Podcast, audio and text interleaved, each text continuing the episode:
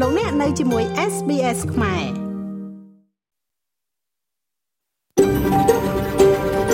SBS A world of difference You're with SBS Khmer on mobile, online and on radio លោកអ្នកនៅជាមួយ SBS ខ្មែរនៅលើទូរស័ព្ទដៃអនឡាញនិងវិទ្យុយើងខ្ញុំសូមទទួលស្គាល់ទំនៀមទម្លាប់ប្រពៃណីទឹកដីដែលយើងកំពុងតែផ្សាយចេញពីថ្ងៃនេះ SBS ខ្មែរសូមទទួលសូមគោរពដល់ប្រជាជនវរញ្ចារីវយវរ៉ាន់នៃប្រជាជាតិខូលីននិងចាស់ទុំរបស់ពួកគេតាំងពីអតីតកាលនិងបច្ចុប្បន្នយើងក៏សូមទទួលស្គាល់ម្ចាស់ទំនៀមទម្លាប់ប្រពៃណីទឹកដីនៃជនជាតិដើម Aboriginal និងអ្នកកោះ Torres Strait ទាំងអស់ដែលលោកអ្នកកំពុងតែស្ដាប់នៅថ្ងៃនេះថ្ងៃនេះត្រូវនៅថ្ងៃពុធ500ខែបោះឆ្នាំខាលចត្វាស័កពុទ្ធសករាជ2566ត្រូវនៅថ្ងៃទី11ខែមករាឆ្នាំ2023នាងខ្ញុំឡៅដានីសូមនាំមកជូននៅកម្មវិធីផ្សាយដែលមានជាបន្តបន្ទាប់ដូចតទៅនេះចំនួននៅក្រៅប្រទេសនិងគ្រោះធម្មជាតិនៅក្នុងប្រទេសបានយកចំណាប់អារម្មណ៍របស់អ្នកនយោបាយសហព័ន្ធនៅក្នុងអំឡុងឆ្នាំ2022ការគ្របដណ្ដប់ដោយសង្គ្រាមភ្លាមភ្លាមនិងភាពភ័យរន្ធត់នៅក្នុងឆ្នាំ2022បានអង្រួនពិភពលោកតាមវិធីជាច្រើនការឡើងចុះរបស់ប្រទេសអូស្ត្រាលីឆ្នាំ2022សេចក្តីរាយការណ៍ពីពីប្រទេសកម្ពុជាទាំងនេះនឹងនាំមកជូនប្រិយមិត្តអ្នកស្ដាប់បន្ទាប់ពីនីតិព័ត៌មាន មិត្តមេតិកានៃព័ត៌មានសំខាន់សំខាន់មានបព្វជិតកាតូលិក George Pell ទទួលមរណភាពនៅទីក្រុងរ៉ូមក្នុងជំនមាយុ81ឆ្នាំអ្នកនយោបាយអាមេរិកមួយក្រុមបោះការគ្រប់គ្រងរបស់ពួកគេទៅនៅពីក្រោយកិច្ចព្រមព្រៀង AUKUS បើទោះបីជាមានការរិះគន់ថ្មីៗក៏ដោយនៅក្នុងផ្នែកកីឡាវីកូនបាល់វិញ វិញលោក Todd Murphy បានជ្រើសរើសនៅក្នុងការធ្វើតេស្តរបស់ប្រទេសអូស្ត្រាលីសម្រាប់ដំណើរទេសចរនៅខែក្រោយទៅកាន់ប្រទេសឥណ្ឌាចាប្រិមត្តអ្នកស្ដាប់ទាំងអស់គ្នាព័ត៌មានដំបូងនេះគឺនាយករដ្ឋមន្ត្រី Anthony Albanese បានចូលរួមរំលែកទុកចំពោះមរណភាពរបស់បុព្វជិតកាតូលិកលំដាប់ខ្ពស់បំផុតរបស់អូស្ត្រាលីគឺ George Pell ដោយពណ៌នាថាវាគឺជាពេលវេលាដ៏លំបាកមួយអតីតបុព្វជិតកាតូលិកនៃទីក្រុង Melbourne និង Sydney គឺជាទីនិងជាទីប្រឹក្សាសម្ដេចប៉ាបបានទទួលមរណភាពនៅទីក្រុង Vatican នៅក្នុង នៅក្នុងជនមីយុ81ដោយសារតែជំងឺបេះដូងបន្ទាប់ពីការវះកាត់ត្រគាកលោក Albanese និយាយថារដ្ឋាភិបាលកំពុងជួយសម្របសម្រួលនៅក្នុងការយកនៅអតិថិធរបស់គាត់មកប្រទេសអូស្ត្រាលីប៉ុន្តែការបរិច្ឆេទនៅមិនទាន់ត្រូវបានកំណត់នៅឡើយទេ This uh, will come as a, a រឿងនេះនឹងបង្កើតជាការភ្ញាក់ផ្អើលសម្រាប់ប្រជាជនជាច្រើននេះគឺជាការវះកាត់ត្រគាកហើយផលវិបាករបស់វាជាអកុសលគឺធ្វើឲ្យបព្វជិត George Pell បាត់បង់ជីវិតហើយខ្ញុំសូមចូលរួមរំលែកទុក្ខជាមួយនឹងអ្នកទាំងអស់គ្នាដែលកំពុងកាន់ទុក្ខនៅថ្ងៃនេះ ចាប់ព័ត៌មានមួយទៀតគឺតកតងទៅនឹងរដ្ឋាភិបាលសហព័ន្ធកំពុងដាក់ពន្ធទៅលើការនាំចូលនៃការបំភាយកាបូនដើម្បីជួយជំរុញដល់ក្រុមហ៊ុនអូស្ត្រាលីដែលជាផ្នែកមួយនៃការផ្លាស់ប្តូរយន្តយន្តការការពារវាកាត់ឡើងបន្ទាប់ពីរដ្ឋមន្ត្រីក្រសួងបម្រែបម្រួលអាកាសធាតុលោក Chris Bowen បានចេញផ្សាយផែនការរបស់រដ្ឋាភិបាលនៅក្នុងការកែប្រែយន្តការការពារកាលពីថ្ងៃទី10ខែមករានេះគឺជាផ្នែកមួយនៃគោលនយោបាយដែលសន្មតថាកំណត់ការបំភាយឧស្ម័នសម្រាប់គ្រឿងបរិក្ខារជាង200ការបកការកែប្រែនេះនឹងមានក្រុមហ៊ុនបំពុលធំៗរបស់ប្រទេសអូស្ត្រាលីបដិញ្ញាកាត់បន្ថយនៅការបញ្ចេញនៅឧស្ម័នផ្ទាំងកញ្ចក់នៅពាក់កណ្ដាលឆ្នាំ75%ជារៀងរាល់ឆ្នាំរហូតដល់ឆ្នាំ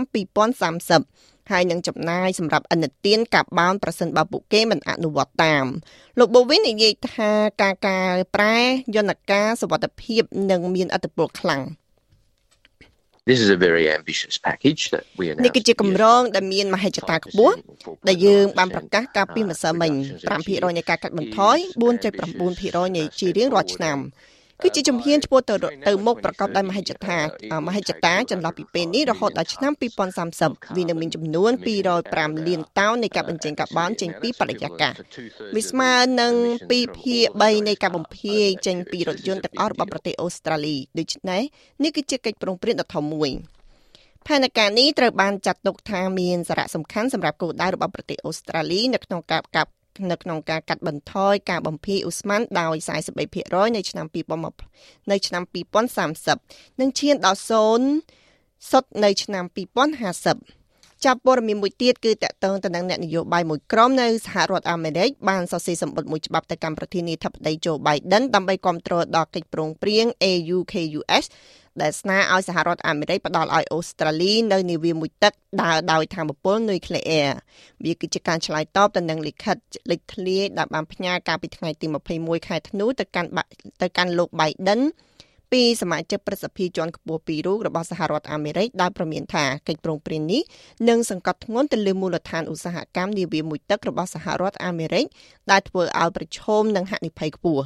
តំណាងសភាមកពីគណៈបកសាធារណរដ្ឋនិងប្រជាធិបតេយ្យចំនួន5បានការពារកិច្ចព្រមព្រៀងនេះដោយលើកឡើងថាវាមានតម្លៃនៅក្នុងការចាប់ផ្ដើមសម្រាប់សន្តិសុខរបស់អាមេរិក និងសម្ព័ន្ធមិត្ត Indo-Pacific របស់ខ្លួន ពួកគេនិយាយថាកតិកាសញ្ញានេះអាចអាចជាការកើនឡើងនៃចំណូលសមុទ្រដែលរុញច្រានទូកទាំងនោះដែលវានឹងផ្ដល់អត្ថប្រយោជន៍ដល់អ្នកចូលរួមទាំងអស់គ្នា ចាលោកលោកស្រីនាងកញ្ញាឥឡូវនេះយើងវិលត្រឡប់មកព័ត៌មានកីឡាវិញម្ដង Tom Murphy ត្រូវបានគេដាក់នៅក្នុងដាក់ឈ្មោះនៅក្នុងក្រុមអ្នកធ្វើតេស្តរបស់ប្រទេសអូស្ត្រាលីដែលជាអ្នកផ្លាស់ប្ដូរម្នាក់នៅក្នុងចំណោម4នាក់ដែលត្រូវបានជ្រើសរើសសម្រាប់ដំណើរទេសចរនៅខែក្រោយទៅកាន់ប្រទេសឥណ្ឌាដោយមិនមានការចាប់អារម្មណ៍ទៅលើកម្រិតនៃតេស្ត Murphy ត្រូវបានគេដាក់ឈ្មោះជាមួយនឹងដៃគូ Twicker Nathan Leo Olion Aston Aga និង Michelle Swipson Matthew Renshaw និង Peter Hancock ក៏ទទួលបាននៅការហៅទូរស័ព្ទជាមួយនឹង Marcus Harry ដែលបានចាក់ចេញផងដែរខណៈដែលអូស្ត្រាលីព្យាយាមយកឈ្នះជាបន្តបន្ទាប់នៅក្នុងប្រទេសឥណ្ឌាជាលើកដំបូងចាប់តាំងពីឆ្នាំ2004ស្តាងនឹងខកចិត្តនៅការប្រកួតលើកដំបូងនៅណាភួរនៅថ្ងៃទី9ខែកុម្ភៈដោយសារតែមានរបួសម្រាមដៃនិង ហើយនឹងចូលរួមនៅក្នុងក្រុមបន្ទាប់ពីនោះខណៈពេលដែលកីឡាករ Cameron Green នឹងធ្វើដំណើរតាំងពីដើមរកបើទោះបីជាមានបញ្ហាម្រាមដៃក៏ដោយចលនាលោកស្រីនាងកញ្ញាអត្រាការប្រាក់នៅថ្ងៃនេះ1ដុល្លារអូស្ត្រាលីមានតម្លៃ69.69សេនដុល្លារអាមេរិកត្រូវនឹង2840រៀលប្រាក់រៀលខ្មែរ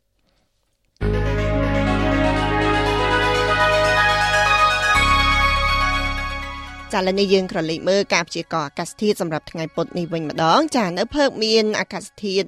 ចាមានអាកាសមានពពកច្រើន មានសីតុណ្ហភាព27អង្សានៅអាដាលេដមានថ្ងៃរះល្អ32អង្សានៅមែលប៊នមានថ្ងៃរះល្អ32អង្សានៅហូបាតក៏មានអាកាសអាកាសធាតុស្រដៀងគ្នានៅមែលប៊ននេះដែរ25អង្សានៅខេនបារ៉ាមានពពករះល្អ30អង្សានៅវ៉ឡង់កុងមានពពករះល្អ24អង្សានៅស៊ីដនីក៏មានអាកាសធាតុស្រដៀងនៅវ៉ឡង់កុងដែរមានពពកបើកថ្ងៃល្អ27អង្សា នៅ Newcastle មានពពកបើកល្អថ្ងៃរះល្អគឺ27អង្សា នៅ Brisbane ក៏ដូចគ្នាដែរមានថ្ងៃរះល្អ31អង្សា នៅ Cairns មានថ្ងៃរះល្អ32អង្សា នៅ Darwin មានអាកាសធាតុស្រដៀងនៅ Cairns ដែរគឺ32អង្សា ចំណែកឯនៅទីក្រុងភ្នំពេញវិញមានមានពពករះថ្ងៃល្អ24អង្សា thank you